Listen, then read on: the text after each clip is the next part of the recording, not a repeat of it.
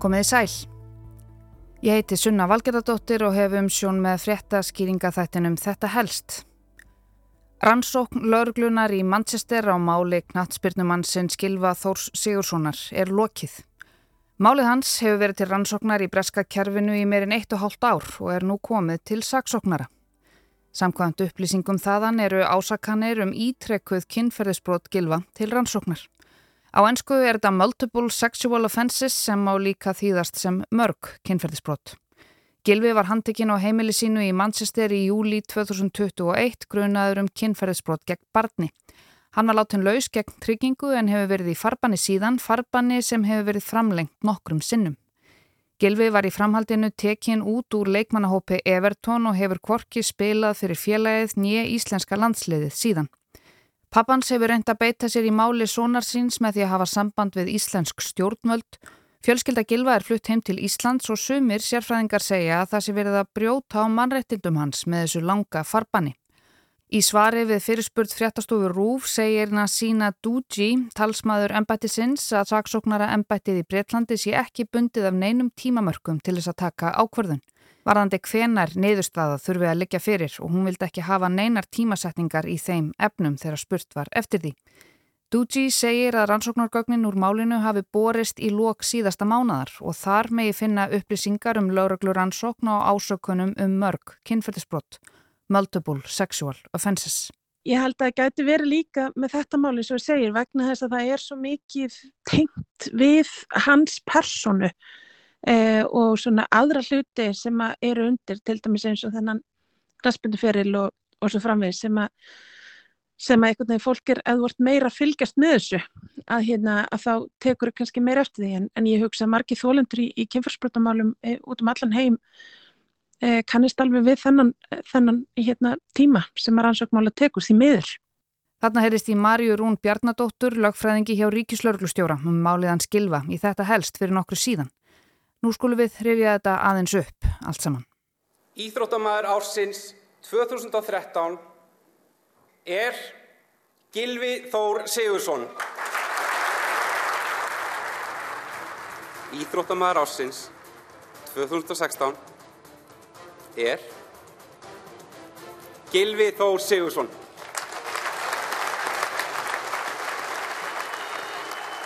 Sigurdsson and he scored! What a wonderful free kick from Gylfi Sigurdsson. Well, that is amazing. Gylfi Sigurdsson. You set up a chance here for Sigurdsson. It's 2-1 to Iceland. Og slökk móttaka, nú opnast allt. Gylfi í færnu. Gylfi með skottið. Gylfi, Gylfi, Gylfi! Gylfi Þór! Sigurdsson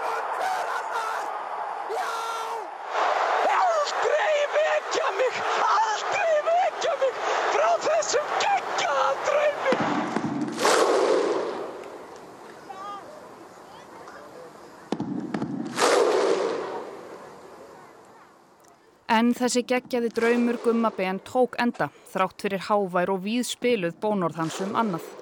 Dáðadrengirnir okkar íslensku snýru heim og var fagnað af landsmönnum sem stórstjórnurnar sem þeir eru, eða voru.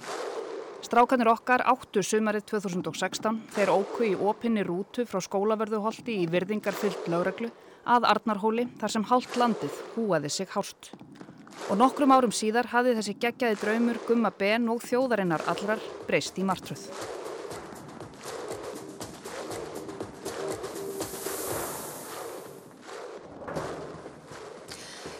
Þór Sigursson, skærasta stjarnan í íslenskum íþróttaheimi, er sagður sæta rannsóknuna mennskynferðis brots gegn ólögráða einstaklingi. Hann spilar ekki með enska úrvalsteldarliðinu Everton meðan að rannsókmál sem stendur. En hvað Gilvi á að hafa gert er stærsta spurningin í þessu öllu saman og hefur verið frá byrjun. Þetta var víst kynferðisbrot gegn barni, en hvaða barni og hvernig kynferðisbrot? Hvað þarf manneski að vera gömul til þess að kallast barn og hver er munurinn á barni og ólögráða einstaklingi og svo fullorðinni mannesku? Er þetta ekki allt saman bara samsæri? Gilvi hefur verið í farbanni síðan um miðjan júli í fyrra og hefur á þessum tíma ekkert kæft í fótbolta, kvorki með íslenska landsliðinu eða félagsliðið sínu sem var Everton, þar til í sumar þegar liðið endur nýjaði ekki samningin við hann. Þetta er orðið ansi langt óvissu tímabil fyrir alla sem eiga hluta máli. Pappan Skilva, Sigurður Aðalsteinsson, hefur komið nokkur sinnum fram í fjölmjölum undanfarnar vikur þar sem hann hefur staðfest að sonur hans í enn í farbanni og geti hvergi farið. Sigurður sagði í viðtali við vísi um miðjan oktober að hann hafi kallað eftir hjálp íslenskra stjórnvalda við að flytja lögheimili sonar síns frá Breitlandi til Íslands og byggði stjórnvaldum að beita sér í málinu. Í fréttaskýringu Kolbæn Stuma Dadarssonar á vísi segir að umsóknum lögheimilisflutninga liggi nú fyrir hjá þjóðskrá og að Sigurður hafi kallað eftir aðstóð utanríkisráþara til þess að hjálpa sinni sínum og segir mannrettnindi hans fótum tróðin. Gauti B. Eggertsson, professor í Hagfræði við Brán Háskóla í Bandaríkjunum, sagði á Facebook þarna um miðan oktober að bresk yfirvöld væru að brjóta á mannrettinum gilfa með þeim langa tíma sem rannsóknin á máli hans hefur tekið án nokkus konar niðurstöðu. Sakamála þessu tægi séu sjálfkrafa döið ef ekki sé komin fram ákjæra innan sex mánada að minnstakosti í Bandaríkjunum, segir Gauti. Það er algjörlega fyrðulegt og hreinræktað nexli að bresk yfirvöld hafi haldið gilva nánast í stofufangelsi á þess að framsig komi neyn ákæra eða nokkur skapaður hlutur um þetta sakamál eftir eitt og hálft ár. Búið sé að leggja orðstýr og feril gilva þórs í rúst og gauti velti fyrir sér hvers vegna íslensk stjórnvöld beiti sér ekki í málinu en það sé verið að brjóta gegn mannréttindum íslensks ríkisborgara.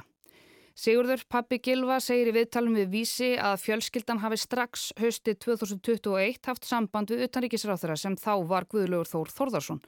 Hann hafi látið ráðunitistjóran ringja í sig og þeir hafi átt gott og langt spjall. Það hefði þó verið ákveðið í samráði við lögmannin hans Gilva að setja ekki pólitískan þrýsting á breska dómskerfið en þetta var þegar Gilvi hafi einungis verið í farbanni í um þrjá mánuði. Sigurður segist svo hafa haft samband aftur við utaríkisráðunettið í haust í ljósi þessa mál sonarans sem er íslensku ríkisborgari og á fjölskyldu sem er flutt heim til Íslands hafi dreyist vonur viti. Gilvi gæti hafi verið farin heim til Íslands fyrir löngu. Í viðtælinu segir Sigurður að lauraglann í Manchester krefjist þess stöðugt við domstóla að farban yfir Gilva verði framlengt án þess að nokkuð nýtt sé að frétta af málinu. Þess vegna hafi fjölskyldan viljað flytja lögheimili hans til Íslands til þess að gera dómskerfinu ytra erfiðara fyrir að samþykja í enn eitt skiptið farban á Íslanding í útlöndum. Fréttastofa Rúf óskaði eftir upplýsingum frá Utaríkisraðunitinu hvort til væri fordæmi fyrir því að Utaríkisraðunitið beitti sér fyrir því að Íslandingur sem væri til rannsóknar eða hefði verið ákjærður og sætti rannsóknar aðgerðum vegna þessa kæmi til landsins áður en að dómur fjalli. Ráðunettið svaraði því til að þegar að úrskurðað hefur verið að íslenskur sakbortningur sæti þingunar aðgerðum erlendis, líkt og farbanni eða gæsluvarðhaldi, fram að dóms uppkvæðningu þá kemur eðli málsins samkvæmt að jafnaði ekki til þess að hann ferðist til Íslands í millitíðinni. Fram kemur í frétt rúf að aðeins eitt dæmi sé til um að íslensk stjórnvöld hafi með beinum hætti komið að stuðningi við málatilbúnað íslensks ríkisborgara erlendis. Sá hafi hlotið alþjóðlega vernd og síðar íslenskan ríkisborgararétt en var handikinn í Kroatíu á grundvelli handtökuskipunar frá Rúslandi. Það mál hafi verið einstakt og ekki sambarilegt við hefðbundin sakamál. Sigurður hefur reynd kannski eðlilega eftir fremsta megni að fá stjórnvöld til þess að kippa í einhverja spotta fyrir svonsinn en það hefur ekki skilað miklum árangri. En það liggur heldur ekkit endanlega fyrir hvað Gilvið Þór á að hafa gert. Þarna í júni því gerði fyrri þáttunum gilva hafði breska íþróttatímaritið The Athletic byrt nýverið stóra grein undir fyrirsögninni Mál ónemda fótbóltamannsins sem er til rannsóknar vegna kynferðisbróts gegn barni eða The Case of the Unnamed Footballer Being Investigated for Child Sex Offences. Hlustum á smá brot úr því. Það var hér, daginn síðasta sumar þegar rannsónalauruglumenn bönguð upp á hjá fóbaltamanni einum í tengslu við rannsókn á myndri kynferðisleiri mistnótkun á barnin. Þessa dagana fer þessi fóbaltamaður huldu höfði og heldur til í húsnaði sem er skilgreitt sem safe house eða skjólhús. Honum er ekki bóðið í golf með liðsfölunum sínum eða í kaffibotla eftir æfingu. Hann hefur verið fluttur á ótilgrindar stað á meðan lauruglan rannsaka þar ásakanir að hann hafi beitt stúlku undir 16 ára aldri kynferðslegu ofbeldi. Fartölun hans hefur verið tekinn og það hefur meira að segja verið gefið í skín að teipað hafi verið fyrir glukka í nýja húsinu hans til að koma í vegferir að drónar geti tekið myndir innum þá. Sagt er að fókbóltaliði hans hafi komið honum fyrir í þessu húsi. Engina félögum hans í liðinu vil tala um þetta en það veit engin nákvæmlega hvað er í gangi fyrir utan hans nánasta ring. Síðan þessi grein byrtist í sumar hefur fjölskyldan hans Gilva flutt heim til Íslands, það er kona hans og dóttir, en hann getur hverki farið enda í farbanni vegna rannsóknar um kynferðisbrot gegn barni. Hann getur ekki flutt lögheimili sitt heim til Íslands vegna þess að hann verður sjálfur að mæta fysiskt á staðin til þess að skrifa undir og framvísa skilríkjum. Pappi Gilva hefur ekki fengið neinn skýrsvör frá stjórnvöldum hér en það er það kannski ekkert í þeirra verkarhinga hlutast til um laurugluransóknir í öðrum löndum. Jafnvel þó að þær taki svona langan tíma. 15 eða 16 mánuðir það er vissulega langur tími. Ég fekk Marju Rún Bjarnadóttur, lögfræðing hjá Ríkislauruglustjóra og aðjungt við Háskólan og Akureyri til þess að spá aðeins í þetta mál með mér. Marja Rún er reynslu mikil og sérfróð á þessu sviði. Hún var til dæmis fyrst Íslandinga kjörinn til setu í Grevjó sem er eftirlitsnemnd Evrópuráðsins með Istanbul samningnum um aðgerðir gegn ofbeldi gagvart konum og heimilisofbeldi. En er þetta mál að taka óeðlilega langan tíma? Þar að segja, er það óvenjulega langur tími þegar kemur að kynferðisbrota rannsóknum almennt? Ef við miðum þetta til dæmis bara við rannsóknir íslensk kynferðsbrota máls uh, að þá er þetta ekkit eitthvað hræðilega langur tími því miður það sem kannski er í þessu máli að maður, maður veitir sérlega ekkit við, við veitum ekkert hverjar uh, ásakanirnar eru. Við veitum ekki hvort að kannski er þetta mál það sem er mikið að stafranum gögnum og það er, það er eitthvað sem gerir það að verkum að það hægir mjög á rannsókn mála. Það sem er mikið að stafranum gögnum það tekur lengri tíma fyrir gegnum þau ég held að þetta sé svona svolítið eins og með sko þegar fólk er eh, að, að reyna að komast út í flugvél þegar flugvélin er lendt og mínúturnar frá því að, þú, frá því að hérna vélin lendir og sætispeltaljósi fyrir af þánga til þú kemst út, mann er verðist það alltaf að vera rosalega langur tími. En það er það kannski ekkert endilega, það eru kannski bara nokkra mínútur og ég held að það gæti verið líka með þetta máli sem ég segir vegna þess að það er svo mikið tengt við hans personu eh, og svona aðra hluti sem eru undir til dæmis eins og þennan græspinduferil og, og svo framvegis sem að sem að einhvern veginn fólk er eða vort meira fylgjast með þessu að, hérna, að þá tekur það kannski meira eftir því. En, en ég hugsa að margi þólendur í, í kynfarsbrotamálum e, út um allan heim kannist alveg við þennan, þennan hérna, tíma sem að rannsókmála tekur því miður.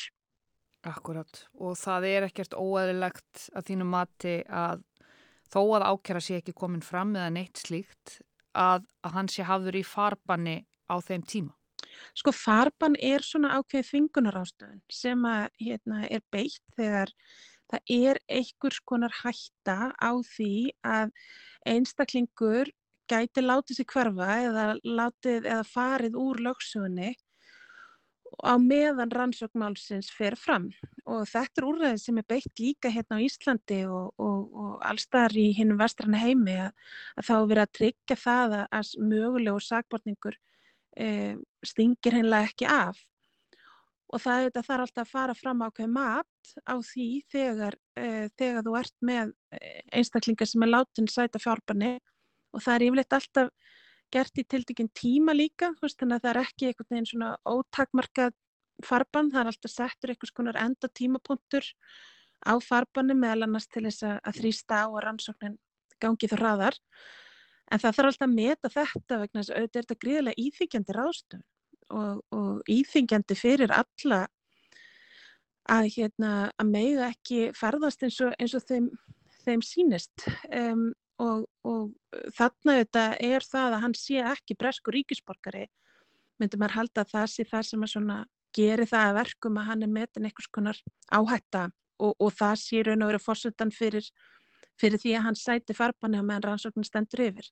En þetta segju þetta án þess að hafa síða gögninu og segju þetta bara svona almennt. Sko. Varðandi mögulega aðkomi íslenskra stjórnvaldaðamálinu segir Marja að auðvitað reki auðtaríkistjónustan á hvenna borgaraþjónustu fyrir Íslandinga í útlandum. Það er þekkt að það sé hlutast til um málefni fanga sem eru að afplána í útlandum en rannsókn þessa máls er ennþá í gangi. Ef íslensk stjórnvöld færu að skipta sér af rannsókn lauruglunar í mannsistir væri það frekar pólitísk ákverðun heldur en lagaleg skilda. Og svo staðrænt að farbannið yfir gilva hafi verið framlengt ítrekkað þýðir, segir Marja, að það sé alltaf að fara fram endurmat hjá domstólum á því hvaða gögn séu fyrirlikjandi, hvaða gagna eigi eftir að abla og hversu mikilvægt að sé að viðkomandi sé í landinu og láti sér ekki hverfa á meðan málið er í rannsókn. Það segir okkur að, að það sé þá einhver gangur í rannsókninu vegna þess að auðvitað ef að ef að lauruglan gæti ekki sínt fram á einhvers konar gögn eða einhvers konar framgang í rannsókninni þá þetta var í hæpið að domstóla vera að fallast á að, að ítrekka framlengja farbanið og þetta aftur bara með, með þeim fyrirvara að, að ég þekk ekki til byllinni sko, það heldur bara svona almennt að þá eru þetta þau sjónamið sem að myndu eiga við held ég. Veistu eitthvað sko, um tímaramman í þessu? Þannig var alltaf hægt að halda þessu áfram út í óendanlega. Að fara, þessu lítur að fara að ljúka á einn hátt eða annan. Þú veist, við sjáum það náttúrulega bara, það er í Breitlandi alveg eins og í flestum ríkum í Evrópu. Það hefur orðið bara veruleg aukning í kynferðsbrotumálum uh, og við veitum náttúrulega ekki hvort það er raunaukning eða hvort það er aukning í málum sem eru tilkynnt og kræfjast aðtökli kerfisins ég myndi ekki treysta mig til að spá um sko hver líklegur tímarami sé á eitthvað svona endapunkt í þessu. En ég held samt sko þegar maður veldur þessu fyrir sig, ég myndi auðvitað er þetta langu tíma og það er erfitt að hérna þetta, þetta er rosalega erfið stað að vera í. Og þetta er, ef maður hugsa til dæmis um það sem að brótaþólar í kynfyrirsbrotum tala um varðandi meðfyrir málana, að þá er það einmitt þessi óvisa yfir langan tíma sem að veldur þeim mestu hugurangri yfirleitt. Og ég hugsa sko það er áhugavert hvað í raun og veru þetta ákall um hraða málsmeðferð eins og sett út frá því að það sé erfitt fyrir hinn ætlaða sagbortning, fyrir sagbortningin hversu langan tíma þetta tekur og auðvitað tekur þetta líka langan tíma fyrir brotaþólan og, og þetta er svona það sem fólk hefur gaggrínt mikið við meðferð kynfyrsbota er að mitt langur tími í rannsóknum og það sé skadalegt. Ég held að þetta sínur okkur kannski að getur, það getur verið skadalegt fyrir allaðilega, ekki bara brotaþúla.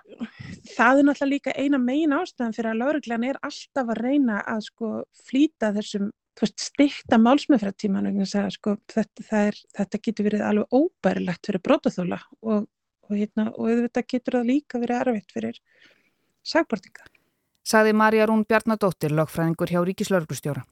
Ég heiti Sunna Valgeradóttir og í þetta helst í dag var uppröfun á máli ónemda fótboltamannsins frá Íslandi sem er nú komið á borð saksóknara eftir eitt og hálft ár af lörgluransókn. Takk fyrir að leggja við hlustir og við heyrumst aftur á morgun.